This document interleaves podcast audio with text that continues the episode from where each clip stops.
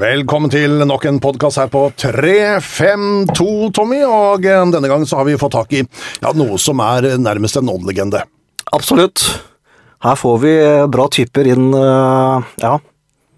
Så Fernando er jo en Ja, han er en, en legende. Ja. Det, det er han absolutt. Og en jeg har hatt Jeg har fulgt med en, en, eh, en stund, altså mange år. Eh, Vi kommer litt tilbake til inn i, inn i sendinga her, men eh, det er litt av en historie Fernando har, og den skal vi jo grave litt i. Den skal vi grave dypt i, det skal jeg jo love dere. Fernando Franco de Ornelas, født i Caracas i 1976. Det 29. juli. 29. juli. Ja, du har snart bursdag, med andre ord. Yes. Ja. Du, eh, det, er- det er altså en helt ellevill karriere du har bak deg. Altså, du har opplevd så mye at det er helt sjukt! Ja, det kan du si. Men eh, bor altså da i Skien av alle ting. Mm, Nå er jeg etablert og fast i Skien. Fast i Hele Skien. familien. Hele familien. Og her har du kommet for å bli, eller? Ja, det blir sånn. Det blir sånn. Altså, det, det er egentlig det vi tenkte, men uh, som sagt, du vet aldri. Og så når uh, guttene begynner å bli store, du vet aldri. Nei. Så, Du, eh, vi starter fra med, med, med begynnelsen. Altså når du vokser opp på, på 70- og 80-tallet i Caracas, hovedstaden i Venezuela. Hvordan er livet til unge Fernando da? ja, da er det litt sånn uh, opp og ned. Og så pappa og mamma jobba mye, og så pappa flytta fra Madeira, Portugal til Venezuela når han var 18. Og mamma også gjorde det sammen, men hun er fra Paraguay. Så de to møtes i Caracas, og så likte hverandre og gifte seg, og så da er jeg en frukt av den kjærlighet. Så, Pluss broren min, da. Men uh, da ble jeg født, og så Pappa jobber som uh, matbutikken. Ja. Det er som hvis man sammenligner litt her i dag, altså det er sånn slags uh, asiamat. Så han jobba da knall, også mange, mange år. Inntil han fikk også eie den butikken. Han begynte som uh, ans vanlige ansatte. Og så Det var så mange år at det er han som eier det, og så ga det videre til han, som han styrte den butikken eh, mange, mange år. Og, og da selvfølgelig var eh, både jeg og så etterpå broren min. Han, tre år eh, etter jeg ble født, og så kom broren min. Og så var vi der og så hjelpe pappa. Når vi begynte å vokse, så så vi pappa og mamma jobbe, jobbe mye for å få hele familien eh, fremover. Og så studerte vanlig barneskole og så ungdomsskole. Men uh, gjennom det også da var eh, da var både skolen og noen eh, idretts også innimellom. Og det var swimming svømming som, som var eh, Svømming? Svømming. Ja vel? Ja, da, da, da var det min første som på en måte offisielt idrett.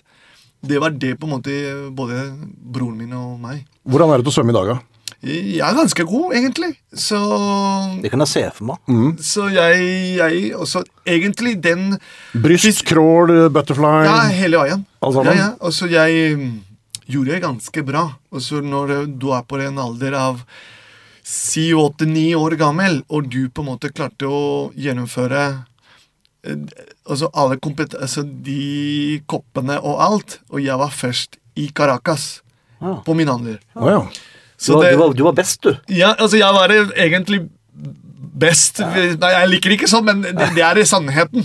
Og så det, Jeg har alle disse medaljer hjemme fremdeles. Og som for å mine om at jeg var god, ganske god på den På den linja, da. Du kunne, du kunne jo egentlig blitt en uh... Olympier? jo, Ja, så du også, kunne tatt det veldig langt der òg, du. Og så pappaen egentlig var ganske skuffa når jeg valgte, på den tida, fotball. For vi må, vi, vi må komme tilbake litt at det, da begynte jeg å drive med svømming sammen med min bror. Og som sagt, også pappa hadde bare den lille butikken. Og så økonomisk sett var det en utfordring å, å både betale svømming og akademi, fotballakademi.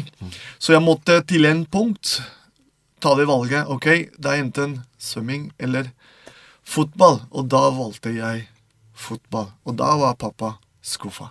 Ja, hvor- god var du i fotball på den tida i forhold til svømming? Altså, var Altså, du talent? Jeg, jeg tør ikke å si at jeg var på samme kvalitet eller nivå som svømming. Men, eh, men jeg likte fotball, fordi da kunne jeg ha den eh, lag, eh, lagspill. Og så man kunne uh, ha den uh, ve vennskap, også det miljø. Eh, svømming er eh, litt ale alene. Og så da er du deg sjøl, og så trener, og så hjemme. Og så, men med fotball, da skaper du den relasjonen med andre uh, guttene. Og, så, og det var det på en måte som, som gjorde at jeg måtte velge fotball. Mamma var veldig glad, men pappa var allerede, som du, Tommy, sa altså, Han tenkte allerede i framtida. Ja, en stipend altså i USA, da karriere er klar. Så det var det. Ja, spennende. Men så begynner fotballen. Uh, hvor, hvor tidlig begynner du også å spisse inn mot å skulle bli fotballspiller? Ja, jeg kan si at når jeg var 13-14, da, da ble jeg valgt til å være med på en kopp i Denver, Colorado, USA. Og der kjente jeg den, altså den passion, også det som innebærer å være på et fotballag, og du representerer et land. altså På den tida representerte vi Venezuela i den akademi. Og så spilte vi den koppen mot uh, forskjellige. Det er som en slags Dana-kopp. Og der kjente jeg altså, Dette er bra. altså, Dette likte jeg. Og i tillegg også begynte jeg å utvikle meg som, som spiller. Og de så også blant annet at jeg var rask, og så begynte å bruke eh, disse ferdighetene i forskjellige posisjoner. Så da skårte jeg mange mål i den cupen, og så da, da sa treneren at du må bare satse på fotball, fordi du har noe i deg som du kan bruke senere. Og dette videre informerte jeg til foreldrene, og så trener prata med foreldrene mine, og da satser vi som en, en slags plan, da. Da, da ble pappa glad igjen, da. Da var pappa Jeg begynte å få den smaken av fotball. Dette var ikke så gang som han tenkte. da. For vi, vi må si at Venezuela på den tida, fotballmessig, det var, det var nesten null også. Da var det baseball, rett og slett, som første idrett i landet. Fotball var også ikke noe godt betalt, og landslaget var ikke i det hele tatt eh, viktig. Så, så derfor pappa min så det hele veien. Hadde jeg vært i Portugal, for eksempel, hadde det vært noe annet. Eller Paraguay, men Venezuela. Så, men etter hvert da, så begynte det å tok formen, da. Men, men, men hvor mange pass har du egentlig? Jeg har to pass. Og de, tilhører, de, de, Det er portugisisk og venezuelansk. Ja. Ja. Men var det ikke noe sånn eh, rundt dette her mm, passgreiene for å komme til Norge og få spilletillatelse og sånt, at du måtte ordne det portugisiske, at det måtte være i stand, eller et eller annet greier Ja, altså I starten, når jeg kom, altså da var det På den tida var det ikke enda den, eh, den åpning i Schengen. Uh, ja. Så da var det mye fram og tilbake i forhold til oppholdstillatelse. Hvor, hvor lenge skal jeg være her i Norge, og sånn. Så etterpå det åpnet seg, og så da var det lettere å, å få oppholdstillatelse. Da fikk jeg med en gang etter det første året jeg spilte her i Odd, i 2006, fikk jeg fem år oppholdstillatelse. Ja. Og det var første gang eh, noen fra, fra et annet land, fra en eh, Finland eller Sverige, som fikk så lang altså, oppholdstillatelse. Jeg husker Arne Sandstø. Han sa ja, nå er du heldig, altså. Nå fikk du lenge oppholdstillatelse. Vi aldri har opplevd sånn.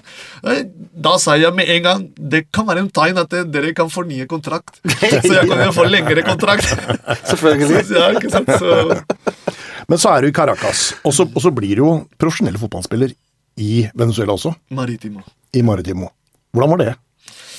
Da kom vi altså først i mm, under eh, 20, altså mm, den G20, eller jeg vet ikke hvordan det heter her i Norge. U19 eller eh, Ja, 1920. ja, ja, mm. Da, da spilte jeg for Maritimo sammen med en gruppe som gjorde fantastisk den sesongen. Altså vi, vi vant hele, hele liga. da. Altså Vi var best i vårt alder i hele nasjonen, eh, i hele Venezuela.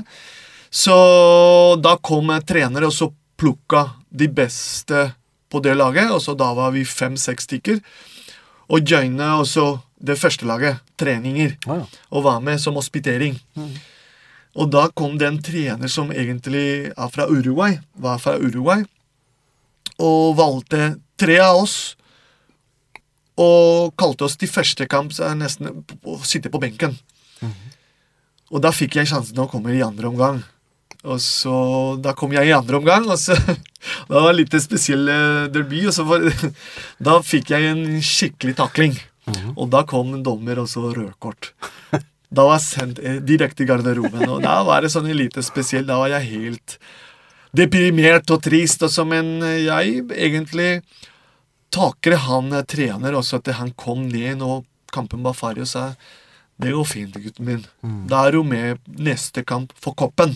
Og jeg tenkte nei, nå fikk jeg rødkort, nå er det ferdig. Jeg får ikke sjanse igjen. Nå har jeg rota det til, så det Nei, men han kom og ga meg den tilliten til å være med, og jeg tror det er noe som Der som hadde han ikke gjort det Jeg vet ikke, jeg tør ikke si Kanskje jeg hadde blitt profesjonell fotballspiller, altså. Ja, det er vanskelig å si. Det er, det er mye tilfeldigheter, hvis det går an å snakke om ordet tilfeldig. Er ting tilfeldig? Men ja, det er jo litt sånn. Det kan være små marginer som kan gjøre at det plutselig går den veien eller den veien. Fordi det, det, det kunne ødelegge både psykisk og, så, og tankene mine. altså Nå rota jeg til, og så rød kort. Første kamp fikk jeg sjansen i Venezuela. og så Du får ikke sånne type sjanser i Venezuela. Eh, så, men han kom og så ga den tilliten, og så sa du blir med. Altså, da begynte jeg å få den som selvtillit igjen tilbake, og så begynte å spille profesjonelt. Og så er jo ikke så lenge i Maritimo. Nei.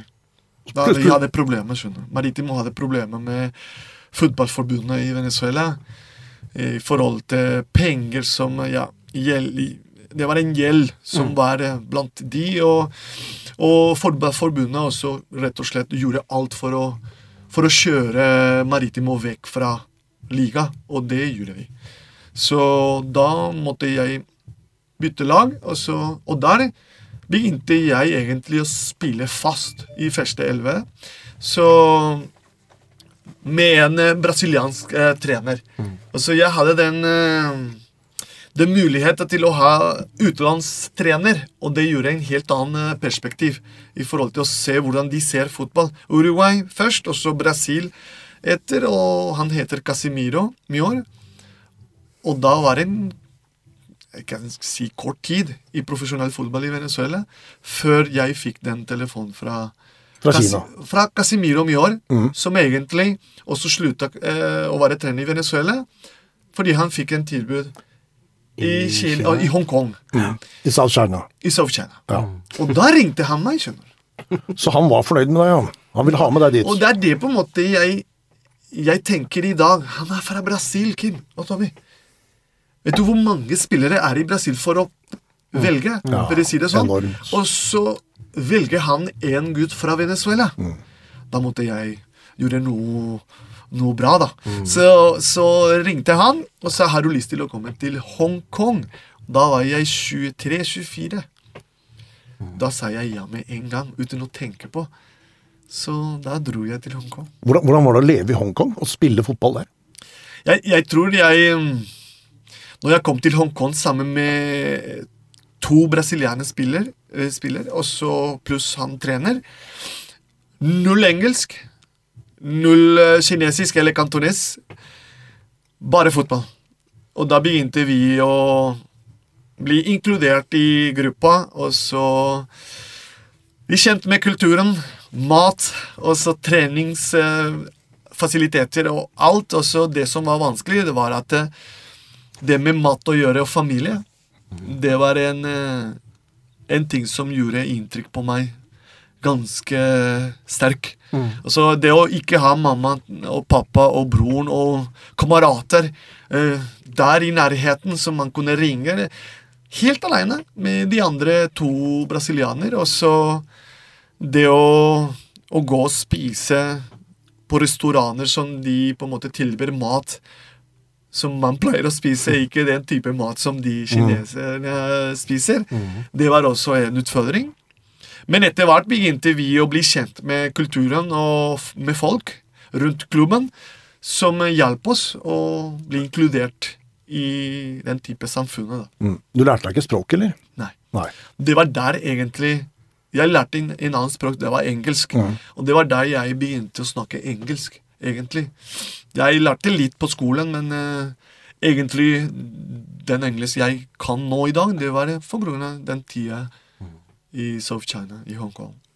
Men, men så skjer jo masse greier her nå. Altså, den perioden som du er inne i nå, så skjer det enormt mye for deg, med, med livet ditt, med hvor du bor hen, og du flytter masse rundt.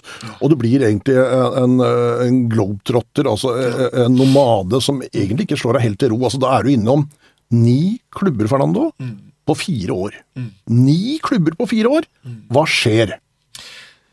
Hvis vi begynner med Hongkong, fordi det var da tror jeg egentlig begynner den reisa, også som World Trotter. Og så spiller jeg min første år i South China i Hongkong. Gikk veldig bra, og så klarte jeg, jeg å annet? Toppskårer Ja. i liga. Og så vant vi koppen og, og andreplass i La liga også. Så etter det, da fikk jeg høre at det var noen muligheter å reise til England på prøvespill. Da tenkte jeg ok, jeg har en mulighet nå til å reise til Europa, det er drømmen. Eh, Men jeg har sikra også kontrakt i Hongkong et, år til. Jeg gjorde bra, eh, som, som personlig og som lag. Og så tenkte jeg, skal jeg ta den risiko? Prøvespill, og så mister jeg den eh, tryggheten som jeg hadde i det andre hånda. Så, men da tenkte jeg ok, da tar jeg den sjansen. Og så dro til, eh, til England, til Crystal Palace. Visste ikke om uh, situasjonen og hva Crystal Palace uh, opplevde på den tida, som klubben. Det eneste var at det, ok, nå kommer jeg til Europa. England. Det er ikke Premier League, men det er førstedivisjon. Veldig kjent. Disse agentene som hjalp meg, også Tony Finnegan og Andy Gray i sin tid. Også det, Andy veldig Gray kjent. der, altså. Så de sa her du har muligheten, da må du bare vise deg, rett og slett. Og så fikk jeg noen kamper. Det første kamp var eh, mot eh, Derby County. Og da gjorde jeg bra. Og så kom Steve Coppel, som er manager i den tida. Og så sa ok, Fernando, vi vil gjerne ha deg, men situasjonen i klubben er slikt. Klubben er nesten konkurs. Og vi kommer til å, til å tilby deg, ikke kontrakt, men eh, en slags avtale. at det, hver kamp du spiller, da betaler vi deg for eksempel, Jeg husker ikke summen, men det var som omtrent, omtrent 500 pund. Eller 1000 pund per kamp, hvis du starter. Og da tenkte jeg ok. Altså, vi må huske at jeg har familie i Venezuela som har litt vanskelighet i forhold til økonomi og sånn.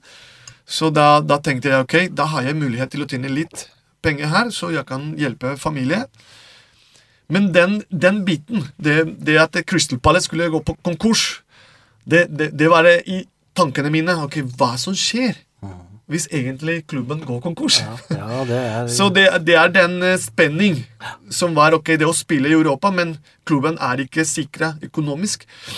Så rett og slett og så snakker jeg med agenten og sa etter å ha spilt en del kampene med Crystal Palace, og så trener kom Jeg skjønner situasjonen din, den usikkerhet. Eh, hvis du finner en annen klubb eller en annen mulighet altså Jeg kommer ikke til å stoppe det. Du får jo den friheten til å gjøre det. Og når han sa det, da agentene begynte å bevege seg, og så fikk jeg den muligheten til å gå og prøvespill til Celtic. Derfor den kort periode i Crystal Palace. Seks, rundt seks-fem-seks måneder. Og så fikk jeg den muligheten til å reise til Celtic. Og da var prøvespill igjen. Det var å starte på nytt igjen. Og da var John Barnes som eh, var manager.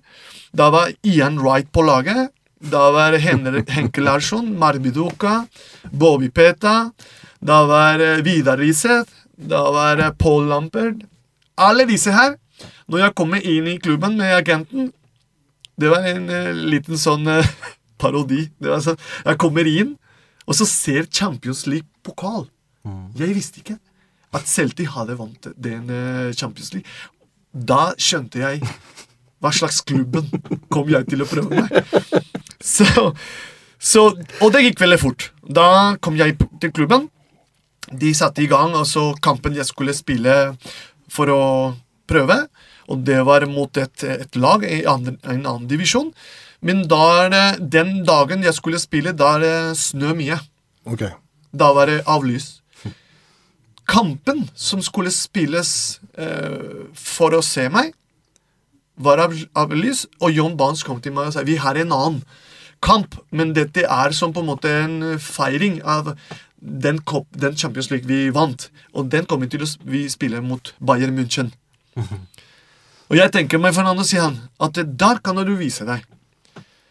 Da kommer Bayern München, og så jeg med Celtic. Og så møter jeg Oliver Kahn, Lothar Matheus, Santa Cruz, og så alle Johan Elver, C. Roberto, i Celtic Park.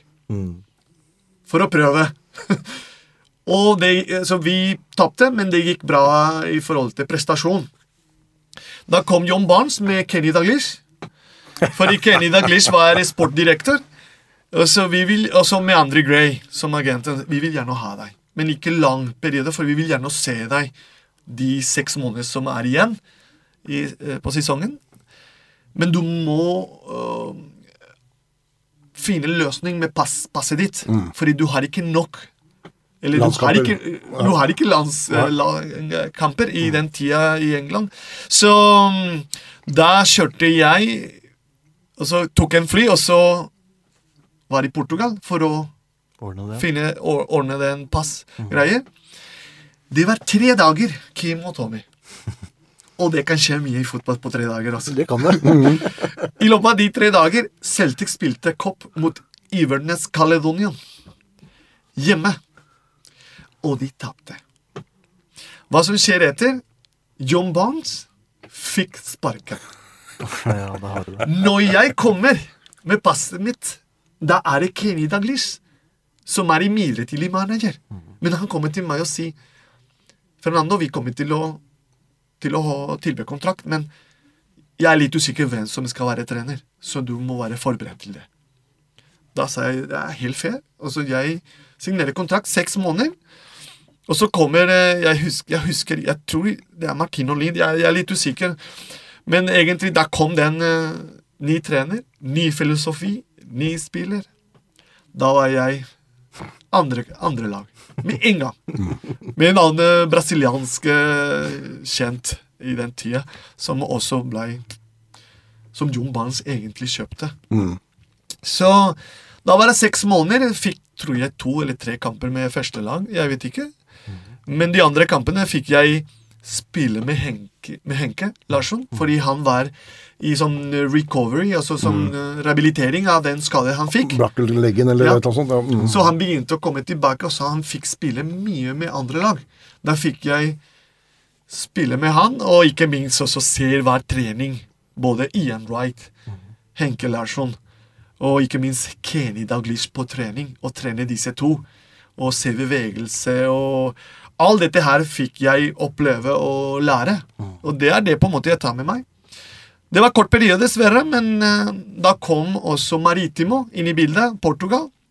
Et år som var mye fram og tilbake, hvor jeg spiller med, sammen med, med PP, for eksempel. Hvor han begynte å vise i sitt karriere. Og... Så det var eh, de tre lagene som var veldig fort, og så etterpå kommer andre lager som jeg husker ikke. Du, Ja, kanskje... Queens Park Rangers var innom, Ja. ja. mm. før du havner i FC Nürnberg. Ja, da, da var det KPR. Da var jeg sammen med noen kjent spillere. En av de Dani Shito fra, fra Nigeria. Men det var eh, veldig rart. Så med Queens Park Ranger var det også samme situasjonen i forhold til kontrakt. Ikke sånn langvarig kontrakt, men, men per kamp. Da fikk jeg ikke spille mye, så da egentlig eh, sammen, både klubben og jeg, ble det enige om Da jeg tror det det er best at jeg finner en annen sted til å, til å spille enda mer. Fordi dette at det å Det var veldig usikker. Og så når jeg spiller ikke, da får jeg ikke noe penger. Så da var det vanskelig. Men det, var, det, er jo, det er jo sikkert litt sånn uh, mønster i det, og jeg tenker at fotballklubber tenker også litt sånn som ledere, da, at det, hvis det er en spiller som eh, eh, litt sånn tilfeldig og kanskje litt uheldig òg, da, hopper litt fra, fra sted til sted, og er bare noen måneder, så er det liksom Ja, men hva ligger Hvorfor bak? det? Ja, du får, du får et rykte på det. Ikke sant? Ja, Det, det, blir, det, det blir et sånn Ja. lite rykte Ja. på, på et vis, ikke sant? Ja. Så, så er det, men så er det jo gode grunner til det ofte. Ja, men det, det, det, det er akkurat det jeg først og fremst, også agentene mine, sa. dette, altså, Hvis du fortsetter sånn, da blir det vanskelig å finne deg en klubb som vil tilby deg en langvarig kontrakt, fordi du har vært der og der og hoppet fram og tilbake. Så det blir mye usikkerhet. Kanskje de tenker det er skade, eller er det noe som på en måte klarer ikke å holde deg i ro? Kanskje drikke mye eller feste mye. Det er mange elementer som kommer inn i bildet, men, eh, men da, da var det Queens og så kom Gansu Tiama, Kina, med Gaza. Og jeg tenkte der ok, Nå! Her kan jeg etablere meg. Da var jeg gift allerede med Andreine, og så bodde vi sammen i Kina, sammen med Gaza og tre til, fra Senegal og Paraguay og meg. Og så veldig, veldig gøy å, å være med med Gaza. Altså, inn på banen, treningsfeltet, kamp. Fenomenal. Og så Gaza er en fantastisk spiller, også, det må jeg si. Men når treningen er ferdig, kampen er ferdig, er tilbake til hotell, da begynner en helt annen Gaza. Ja. Og alle de meste vet hva jeg snakker om. Og det var der på en måte jeg tenkte Hva kunne, hva kunne vi som lagkamerater gjøre for å hjelpe han? Men han hadde det veldig vanskelig. Så, så miljøet hans, de, de som var rundt han, det var egentlig de som gjorde det vanskelig for han. Det er Jeg tror det, jeg, jeg- jeg tror det er Det ligger Kjernen ligger der, tror jeg. Og så vennene, hvis man kan si det sånn, eh, gjorde det vanskelig for han. Så jeg mm, Jeg spilte en kort periode der for grunn av den virus som kom, SARS-virus. Det var nesten akkurat det som skjedde i dag. Altså det koronavirus. Det var ikke så, så sterkt som nå, men eh, det stoppa hele, hele Kina. Hele fotball. Alle Ja, idretts... Stemmer det, husker det. Stoppa det, og så måtte vi reise hjem. Men øhm, du spilte med Gaza. Gaza bestemte seg plutselig for at nå er det nok. Oh, ja, stemmer det. Fortell. Ja, altså, når virus kom, da var det en usikkerhet. Skal vi fortsette å trene, og ikke noen kamper? Da var det ikke så populær uh, idé for uh, Gaza, det å trene og trene og trene, og ikke noe kamp. Plutselig var det ikke treninger hver dagen, så, det var noen dager av sikkerhet, så det var kanskje mandag, onsdag og fredag. Og det var ikke aktuelt for han heller. Og jeg husker at han eh, nevnte til oss så jeg tror jeg har noen business i Italia. Han, I sin tid han spilte for Lazio. Så jeg må reise til Roma. Og da tenkte vi ok, ja, han har sine ting her på Vi bodde i samme hotell, alle sammen. Han har sine ting her, og så han hadde sin uh, suite, uh, presidential uh, suite og hele greia der inne. Med alle klærne sine Med alle klærne sine, altså alt. Du kunne tenke deg. Og så plutselig vi skulle reise, vi skulle dra til trening. Gaza. Eh, hvor er Gaza? Og så vennene hans Han hadde to kompis alltid med seg, med seg fra England. Kompisene sine var ikke der heller. Og så ringte vi til rommet hans. En dag, to dager. og så tenkte vi kanskje han var på fest. Kanskje han dro til Beijing eller Shanghai eller et eller annet sånt. Men aldri hadde vi tenkt at han dro til Roma, og så Da var det bye-bye. Da var det sånn ingen vei tilbake. Så han kom aldri tilbake. Han, Han bare kom- dro fra alt han hadde på Ja, hotellet. ja. Kom aldri tilbake. Han kom aldri tilbake. Jeg vet ikke hvis han sendte en person for å hente uh, sine, sine ting, men uh, jeg vet ikke. Altså, etter et to uker, vi så ikke han lenger, og så en måned etter dro de andre spillere, og så to måneder etter dro jeg med andre egne. Ja. Eh, og så kommer vi til Nürnberg. Ja. Hvem, hvem er det først? Du eller, eh, du eller Tommy? Jeg husker ikke Eh, jeg mener eh, Fernando kom etterpå, ja. Så du er allerede i Nürnberg? rett etter, men det kan ikke være mange Det kom i 2003. Tror jeg. Ja. Mm. ja. Det var ikke lenge Ja, det var et sånn ett år eh, Ja, ett år halvannet etterpå. For dere, dere Vi kom rykka 2000, ned. vi kom i 2000 Ja, stemmer. Stemmer. Vi rykka ned i det året 2002. Uh, rykka ned, som spilte da i Ja, det, det er jo fra sommer til sommer, så det blir jo at vi rykker ned i 2003, våren. Mhm.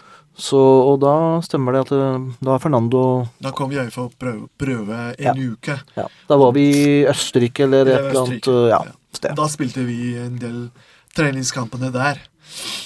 Da da kjente jeg For alt gikk via en uh, agenten fra Jugoslavia på den tida. Altså, eller Serbia. Eller ja, Montenegro. Så da fikk jeg den mulighet. Så du har en mulighet. Han hadde god kontakt med Wolfgang Wolf. Wolfgang Wolf, ja. Stemmer. Og da fikk jeg muligheter til å prøve spill der en uke.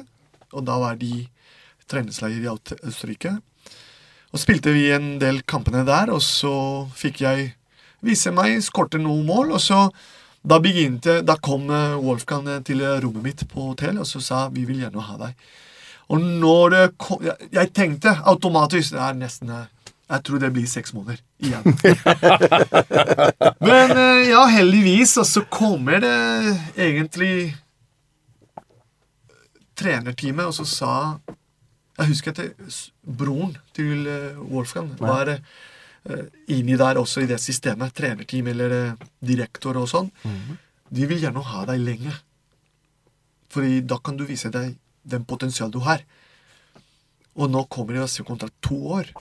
Da tenkte jeg Da grein jeg, rett og slett. Mm. Da ringte jeg Andreine. Endelig. Du sa ikke at uh, nei, jeg vil, jeg vil ha seks måneder.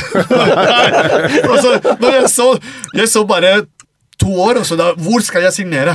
Hvor? Altså, uten å se hvor mye jeg skulle tjene, eller Det var, det var ikke noe sånn stor uh, uh, interesse i det, men, uh, men etterpå så skjønte jeg to år Yes! Så da kan vi begynne å planlegge som familie, mm. altså Andrine og jeg. Mm. Etablere oss. Og så da gikk vi tilbake, og så spilte vi også etterpå mot Galatasaray, og husker jeg veldig godt. Det gjorde jeg veldig bra der begynte å bli kjent med, med Tommy i sin tid, i den tida han var kaptein. Og, og, det var som hjelp, det som hjalp meg da han snakka engelsk. Og så da var det fordi der i Tyskland, eh, i hvert fall i nummeret i den tida, det var ikke mange som snakka engelsk. Wolfgang, eh, som trener, var veldig opptatt av at man skulle snakke tysk. Mm. Og jeg husker veldig godt at for meg var det veldig vanskelig. Mm. Veldig veldig vanskelig. Ja, det var vanskelig. Men, men så, så, blir dere kjent, Tommy. Mm. Dere to, du som kaptein. Mm. Øh, skjønner du at her er en jeg må ha litt under vingene, eller hva, hva, hva skjer her? Nei, vi, vi, vi, lærte jo hverandre å kjenne, og, og øh, hvis jeg tenker på det sportslige først, da, så var det jo den, den, Det prøvespillet var jo superspennende. Vi så jo at Fernando hadde jo Altså kunne fotball. Men han hadde jo, han hadde jo en, en styrke, da, eller en X-faktor, i at han hadde vanvittig fart. Mm. Og det og er jo voldsomt tilslag i skuddet. Ja, og så kan du jo plutselig på noe mer, men ja. han var jo fryktelig hurtig. Det er jo hans store styrke. Og, og det er klart at uh, på den tiden der så, så, visste jeg også at vi leita jo litt etter angrepsspillere, så, så det, jo, det var jo superspennende. Så, så, nei, så vi etablerte kontakt, og så lærte vi han å kjenne, og så Ja, sånn var det det begynte, Fernando. Mm. Og så har jo Det kan jo Fernando fortsette å prate mer, for det er han som skal prate, men, men vi, vi, har jo på en måte fulgt litt hverandre sånn litt uh, Både litt tett og litt perifert, liksom, mm. uh, i alle år. Og ja, så jeg er jo Jeg har jo en veldig sånn Eh, jeg har et spesielt forhold til Fernando, da. Mm. Nettopp fordi at vi, vi, begynte litt sånn, og han kan fortelle litt sjøl hva, hva, som var veien videre, men vi Jo, for det var ikke så lenge Nürnberg. Det, nei, det, det ble ikke to år. Nei, det ble ikke to år, men i hvert fall full, nesten fullførte jeg det året. Og da kom eh, altså når, når vi skulle til uh, treningsleir igjen Fordi det var en liten pause som pleier å ha, mm. man i Tyskland. Da dro vi til uh, Tyrkia eller Antalya. Men i den perioden altså, jeg ble kjent med Tommy, og, og den spilleforståelse altså Han visste hvordan jeg likte å spille. Det å skape rom og gjennombruddspasning, og da jeg skulle gå diagonal hele tiden, fordi jeg spilte wing på den tida. Mm. Der, og, og, det, og det, det, gjorde noe i oss, den spilleforståelse, og så gjør noe også i det ekstra sportlige, også det vennskapet. Og alltid snakker vi sammen, og det er en av de ting, få tingene som jeg husker i forhold til oss. Det var at vi alltid skjønte ikke hvorfor. På den treningsleir jeg spilte nesten alle kamper fra starten. Men når vi skulle starte sesongen, plutselig var jeg på benken. Og jeg fikk ikke noen forklaring. da tok jeg en prat med han, fordi han var kaptein. Og da, da var fram og tilbake. Jeg, altså, jeg skjønner ikke heller, eh, Fernando, sa Tommy. Jeg, jeg, vet, jeg vet ikke hva, hva Wolfgang uh, tenker. Men, uh, men du må bare få jobbe på trening og vise deg. Og det gjorde jeg hele veien, men uh, fikk ikke den sjansen igjen, også fra trenerteamet. Jeg vet ikke, per i dag, jeg vet ikke hvorfor. Kanskje spillestil i forhold til andre Bundesliga av de treningskampene vi hadde, var annerledes. Jeg, jeg prøver å finne en konklusjon, men eh, jeg finner ikke det. Og så orker ikke å tenke mer på det. Men, men det var veldig spesielt. Men vi hadde sånn den kontakt. Og jeg tror etter det, kontakten vi fikk, og den kjemi som vi hadde, da tror jeg gjorde noe i oss. Men aldri hadde jeg tenkt også nå, nå går vi litt videre etter Nürnberg, og så reiser jeg til Kypros. Og da reiser jeg til Kypros med en sånn, på en måte en stor navn. Fra Tyskland, Num, FC-en Nürnberg, til Olympiakos i Kypros, som er ikke så kjent I Nikosia. i Nikosia. Og da var det Ma Marik Pabling i den tida i Olympiakos, som er stor navn, og, så, og meg selv. Og så da kom vi. Jeg visste ikke hva, hvordan var eh, også liga, altså hele Hele opplegget der borte. Du kan, du kan ikke vite alt, vet du. Nei, selv om jeg har vært i en del eh, forskjellige kulturer og landet, men eh, Kypros var annerledes i forhold til økonomi og hvordan klubben også behandla spillere. Det visste ikke jeg hva jeg kunne komme inn. Og så når jeg signerte, to år også, da var det to år, altså to år, og så ja, ja, da var det en progresjon. Så plutselig fikk vi oppleve at det var eh, de to første månedene, og så fikk vi betalt riktig. Men etter det, da var det ubalanse. Da var det sånn på en måte Plutselig fikk vi ikke betalt et år, et måned. I løpet av et år, og så fikk jeg betalt kanskje seks måneder av tolv. Og da var det sånn, selv om jeg var godt betalt for den tida, så det var ren usikkerhet. Når skal vi bli betalt? Altså, fikk snakke med presidenten, og jeg fikk øh, kjent at det her i, i, i Kypros også på den tida de betaler ikke skatt, og de betaler kontant. altså Det kommer med kofferten, og så kommer med pakka dollar. Og så vær så god, med sånn konvolutt. Og så da kan du reise og kose deg. Det var, eh, var tre-fire måneder sånn. Da Andrina var gravid. Nå snakker vi 2004, da. Og her kommer noe veldig spennende, Tommy. Som jeg har eh, sagt eh, overalt når jeg på en måte vitner i menighetene, og når jeg får anledning til å, til å også fortelle litt om, om den situasjonen. At jeg var sammen med Andreina. Da var tre-fire måneder uten å ha fått eh, lønn. Der begynner eh, bekymring inn i bildet. Da har du ikke lyst til å dra på trening. Du har lyst til å bare finne et plass hvor du kan stabil, altså finne stabilitet. Plutselig får jeg en telefon, og det er deg, Tommy. Får jeg en telefon fra Tommy, helt som på en måte uventa. Og jeg kan si også i, i den biten, i det jeg driver i dag, et under. Det er en mirakel, rett og slett, at han Tommy Jeg vet ikke per i dag, og det er det jeg kommer på. Hvordan du fant telefonnummeret mitt, det vet jeg ikke. Men eh, fikk jeg en telefon, og så rett og slett Jeg kjenner, jeg kjenner mange mafia... Ja, nei, du- du- du har din, ja, ja. Du har din gjeng der som eh, Men eh, når jeg hører Tommy, og så Tommy, ja, hvordan går det med deg? Og så jeg forklarer situasjonen, oppsummerer hele situasjonen der borte, og så sier har du ikke lyst til å, til å prøve deg i Norge? Jeg husker at jeg sa med en gang, men du Tommy, jeg orker ikke å reise til Norge hvis det blir samme greie som her. Da blir jeg helst bare her fordi Andrina er gravid. Og det er nesten eh, ja, det var to, to måneder, tre måneder igjen. Så Fernando skulle føde der borte. Så ble vi født der borte. Så da sier Tommy Det er sånn, Fernando. De vil gjerne å se deg. Kan du sende en som video. Så på den tida vi, vi drev en video, og så, og så sendte jeg det. De så kampen Celtic Bayern München, så jeg spilte bra. Arne og Gaute og Morten Rønningen var enige om ok, vi vil gjerne se han. Og jeg vet ikke hvem som bestemte hvem skulle reise til Kypros og se meg, men da var til slutt var Gaute. Da fikk jeg den kontakten, jævlig kontakt med Tommy. ok? Tommy informerte meg, orienterte meg. Ok, nå kommer en som skal se på deg, så nå må du vise deg der borte. Så da kom Gaute til Kypros. Og vi skulle spille der, og så spilte vi 0-0. Men jeg spilte ganske bra. Og det som var interessant, er at Gaute bodde på hotell, og så 'Jeg vil gjerne besøke deg', sier han. I leiligheten din. Ja, ja, ja, vær så god. Altså, kom. Blei vi kjent i leiligheten, fikk spise sammen med oss. Og så sier han 'Ja, jeg likte måten du, du beveger deg og spilte', og så teknisk og taktisk. eh, han var fornøyd. Men eh, sier han at 'Nei, jeg må reise til Norge', og så komme med en rapport.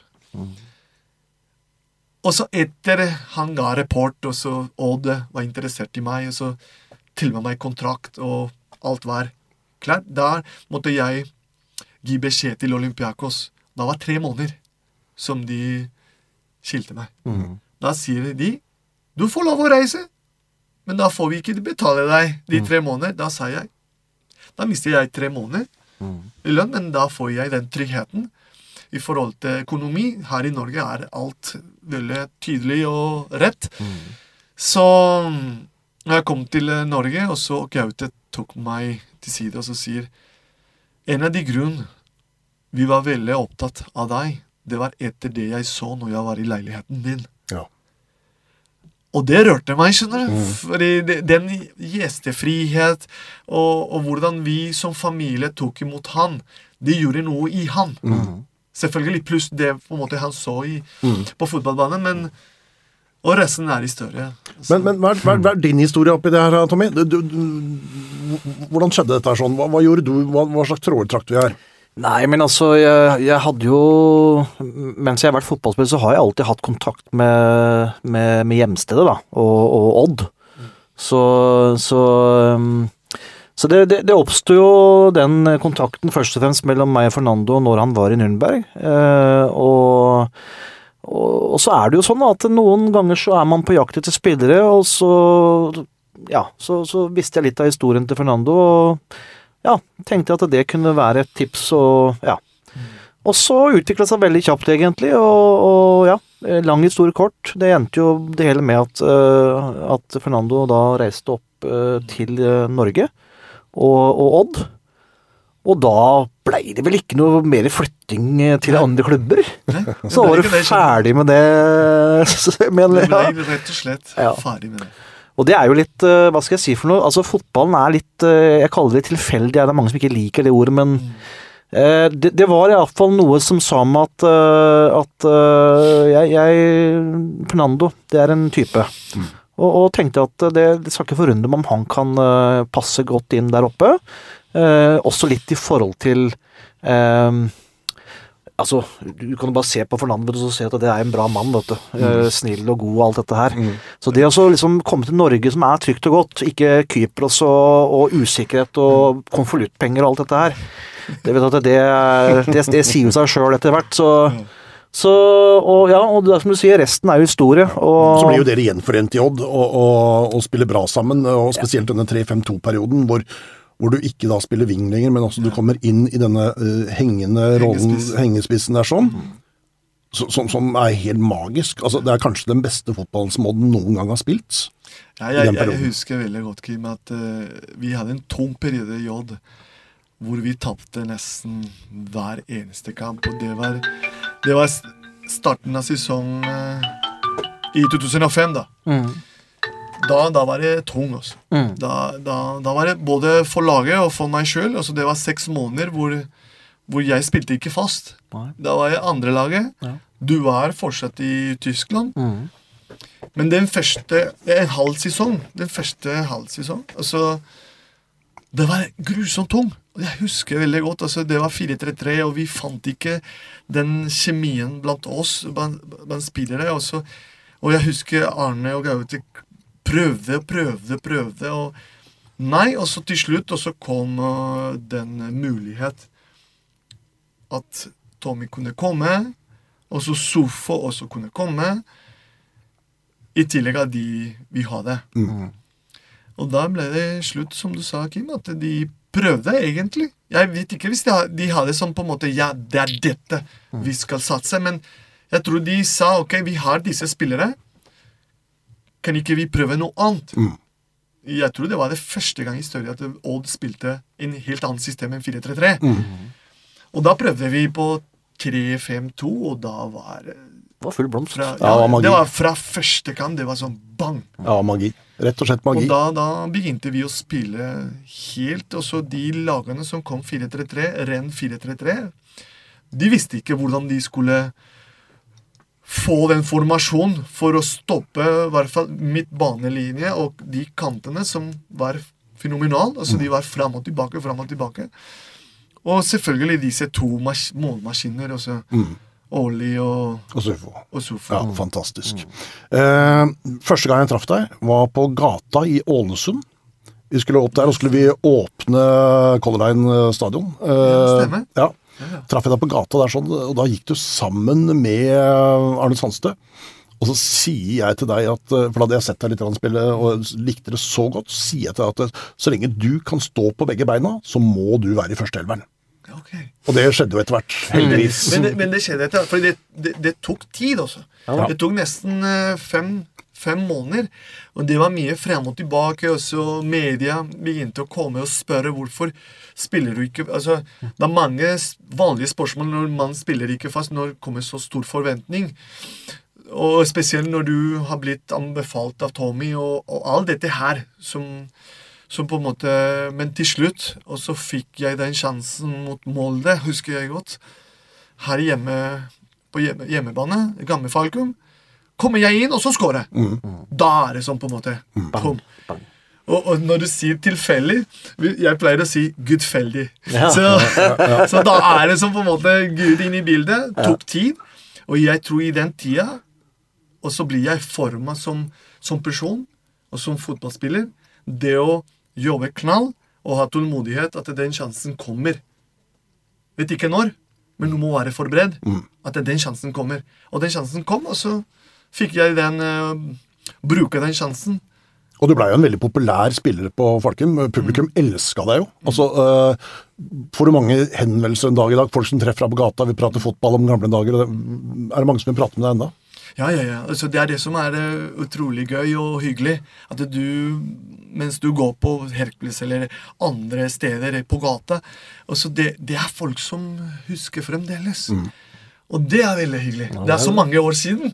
Så, og det med å ned og den kjemi blant oss altså den siste Nando, Ja. Nando, Nando. Og Pastor Nelas og, og alt dette her. Altså, det er nesten Når de begynte å kalle meg Pastor Nelas, det var nesten proff profetisk. Da var det Nå er jeg da pastor. Så de begynte med pastor Nelas og, og den kjemi, den siste kamp, og så den uh, kampen jeg fikk, og så den uh, farvel. Og så, Da kom de med stor plakat. Takk for alt, Fernando. Og så på slutten Bless you. Det var stort. Det var et rørende øyeblikk, hele den Det kampen. var, der, det, altså, i, altså, det var mot Fredrikstad, Fredrikstad og da var det, fest, det var pause. Første omgang, så pause, og så kommer den store plakaten midt på banen. Da får ikke jeg øh, løpe litt rundt og hilse på folk, og folk sto. og så Stor øyeblikk, altså. Det er fantastisk. er Deilig. uforglemmelig, det der. Og så la du opp som fotballspiller, eller eh, la opp, la opp, du havna en liten tur i Mjøndalen. Men, men så begynte et trenervirke oppi her, sånn, hvor du prøver deg litt i Gulset, uten å lykkes sånn veldig. Nei. Ehm, og så var det innom uh, meg, uh, Hei. IL Hei. Eh, Skrev du kontrakten her i dette bygget her, sånn faktisk? Ja. Uh, på Radio Grenland, bare så dere vet det. Eh, og så han er uredd, og så er det ferdig. Savner du ikke fotballen? På en måte savner jeg eh, den garderoben-miljø. Det savner jeg veldig. Men det å spille, og så Nei. Så det, det tror jeg Det jeg ser med, mitt, med min eldste sønn, det oppfyller det, det på en måte den ønsket til å, til å komme tilbake til fotball, altså på sidelinje eller en annen rolle. Men jeg tror det også det å hjelpe og bidra på den alder, 16-åringer og 15-åringer og I tillegg også er jeg sammen nå i, på Storm med Frode Johnsen. Og da er vi sammen der med Pål Skau også. En fin, fin trio som trives godt og har gått mye med fotball og har mye erfaring. Og så kan vi bidra det og gi videre til disse guttene. Jeg lurer på én ting. Eh, barna. Eh, de vet jo sikkert litt om din historie som fotballspiller. Mm.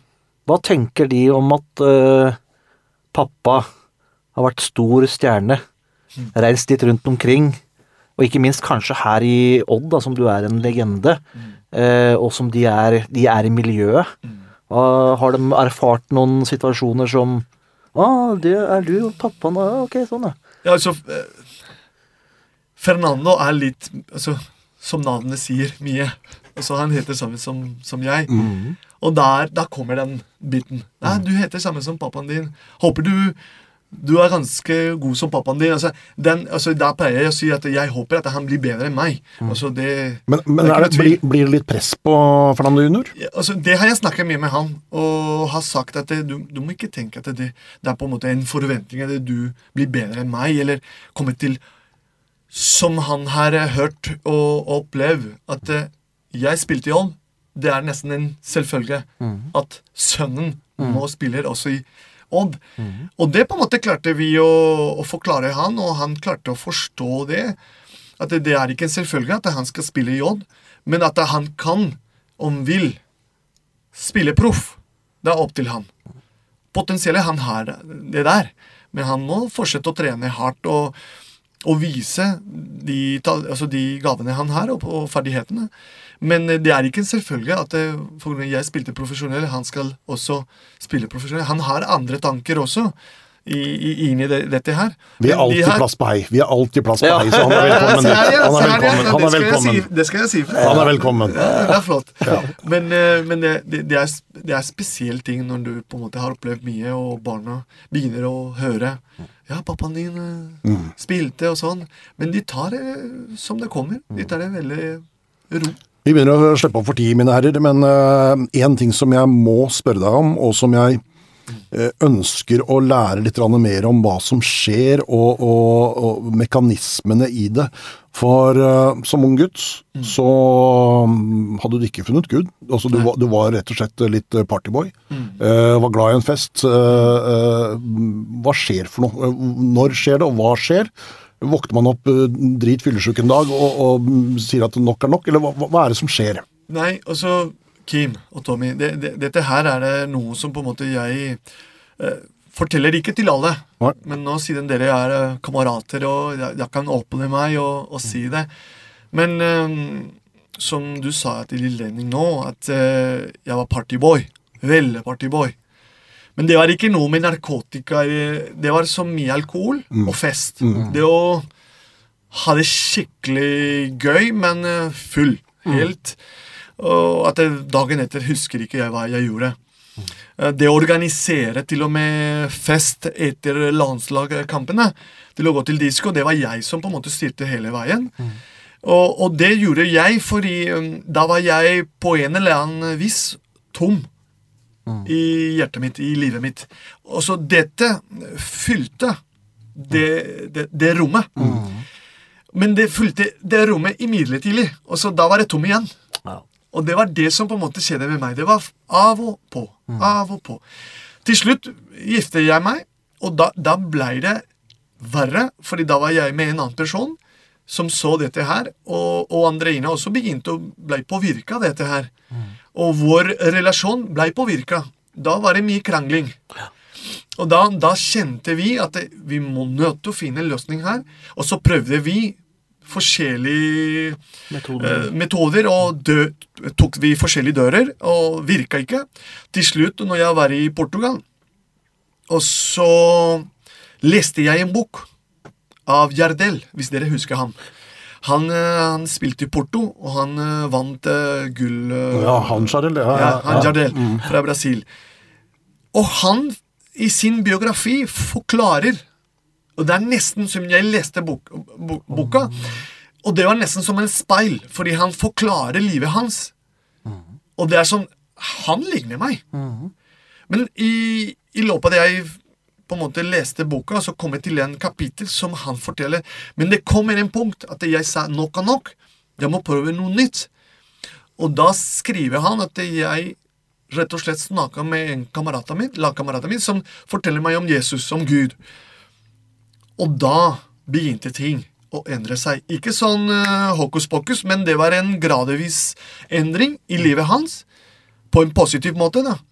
Som også gjorde en påvirkning i ekteskapet hans og familien hans. Og det fikk oppmerksomheten min. skjønner du. Og da begynte jeg å spørre i laget mitt i Maritimo, hvem er det som han her, som kjenner Jesus? Jeg vil kjenner eh, den Jesus som han kjente, og det var én i den eh, Nå kan jeg si tilfelle, altså, eller gudfellig. Da, da, da var vi i Spania, spilte turnering der, treningsturnering der, mot Sevilla. I, på det hotellet der spurte jeg det spørsmål. Hvem er som han her, som kjenner Jesus? Jeg visste ikke det man kalte på den tida kristne eller evangeliske, eller hva kan det være. De sa det er Paulo Sergio. Du må snakke med han. Han vet. Paulo Sergio var på samme rom med meg. Så når jeg kommer opp på rommet, da finner jeg han med Bibelen åpen, fordi han leste Bibelen, og bombarderte jeg han spørsmålet. Ja, vet du hva, du må forklare dette, her, eh, dette her til meg. Eh, Hvordan er det å bli kjent med Jesus? der, vet du hva, det, det er ikke mye du trenger å gjøre. Det er bare å bekjenne at du har lyst til å, til å gi ditt liv til han, og han sammen med deg skal veilede deg gjennom sitt ord. Jeg sa det er bare det. Du trenger ikke å betale noe, eller Og så røyta jeg den tida. Og så spurte jeg han og så, ja, men hvordan det er med røyken. Nei, han sa på den tida jeg kan si han, var vis, han hadde visdom også. Han sa «Eh, vet du hva, det er ikke noe med røyk å gjøre. Og så, hvis du spør meg at eh, Gud blir sint Nei, han blir lei. Fordi du er en, du er en, en skapning av han. Og du ødelegger deg sjøl med det røykegreier. Så han blir lei av det. Men han blir ikke sint. Han kommer ikke til å slå deg. Men han blir trist. Fordi du ødelegger noe som han har skapt for noe. Du har skapt til en hensikt. Da ringte jeg Andreina, husker jeg veldig godt. Vi må ta en avgjørelse her sammen. Og hun sier hvis det er bra for deg, da blir det bra for meg. Kommer vi til Portugal, går vi til menigheten, sier det til han pastor som var der, de vil gjerne å, å følge Jesus. Ja, da gjør vi det sammen, og så følte vi og så bekjente vi vi vil gjerne å, å følge deg, Jesus, og så begynte vi vår vandring med Jesus og følge prinsippene. Det er der hvor det, du sier mekanisme, det er der hvor det ligger. Det å, å finne riktige prinsipper og verdiene som ligger i Guds ord, de gjør noe i oss også. For, for, for verdiene der sånn, de er jo udiskutable. Altså, de, de er jo, de kan man ikke diskutere. Det er, de er jo det rette. Men, men gikk du inn med åpne øyne og åpne armer, både du og Andrine, uten skeptisk? Uten å være sånn Vi hadde prøvd alt, Kim. Kim. Vi hadde prøvd absolutt alt. Også black magic, også afrikansk magikk, og alt mulig. Men ingenting virka. Men, men treffer dere på en måte eh, Jesus samtidig? Altså Gud eh, altså, eller, eller tar det lengre tid? for Nei, det, så vi tok en samtale, Ja, både Andrine og jeg. ja. Er det dette du vil? Er det dette jeg vil? Ja, da blir vi enige om. Det var ikke noe at jeg tvinga henne. Ja. Eller hun sa hun var litt skeptisk. Men vi var såpass sliten at vi vil gjerne bare ta den siste sjansen. Og det var ikke sånn at eh, ja, som mange tror Ja, altså du velger å følge Jesus, og alt blir på en måte halleluja. Altså alt blir fiksa. Nei. Det var egentlig motsatt med oss. Men kan du forstå at andre ikke har samme tro som deg? Eller altså ikke, ikke mm, har det samme synet? Ja, det, det forstår jeg.